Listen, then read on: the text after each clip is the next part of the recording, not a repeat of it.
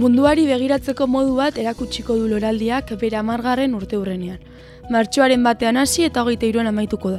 Hogeita zortzi ekintza antolatu dituzte guztira hogeita iru egun horietarako. Eta guztira euskal kulturako disiplina desberdinetako eun eta hogei sortzai arituko dira.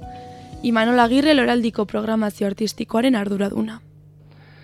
Ozenki aldarrikatuko dugu Bilbon Berton gaudela. Euskarak erdiguanea bere ganatuko baitu. Itza, oinarri eta zutare duen festivala. Euskara kultura garaikide onenetakoa plazaratuko du amargarren edizionek. Bidean jarraitzen dugu tinko, sormena da, gara eraikitzea. Bestalde, Eider Inunziaga Bilboko udaleko euskaratzi negotziak argia dirazi du erakundeen lana baliabideak ez ezik esfortzua, ilusio eta konfiantza jartzea dela loraldia ezinbesteko hitzordua izan dadin euskal kulturaren egutegian.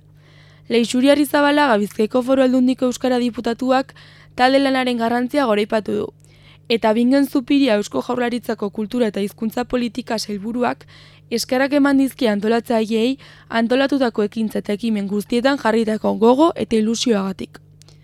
Aurtengo loraldian, ohiko disiplinak izateaz gain, berrikuntzak ere egongo direla dirazi du Imanol Agirrek. Musika, teatroa, bersolaritza, dantza, zinema, literatura, eta hainbat berrikuntza, esperientzia digital bat podcast bat zuzenean.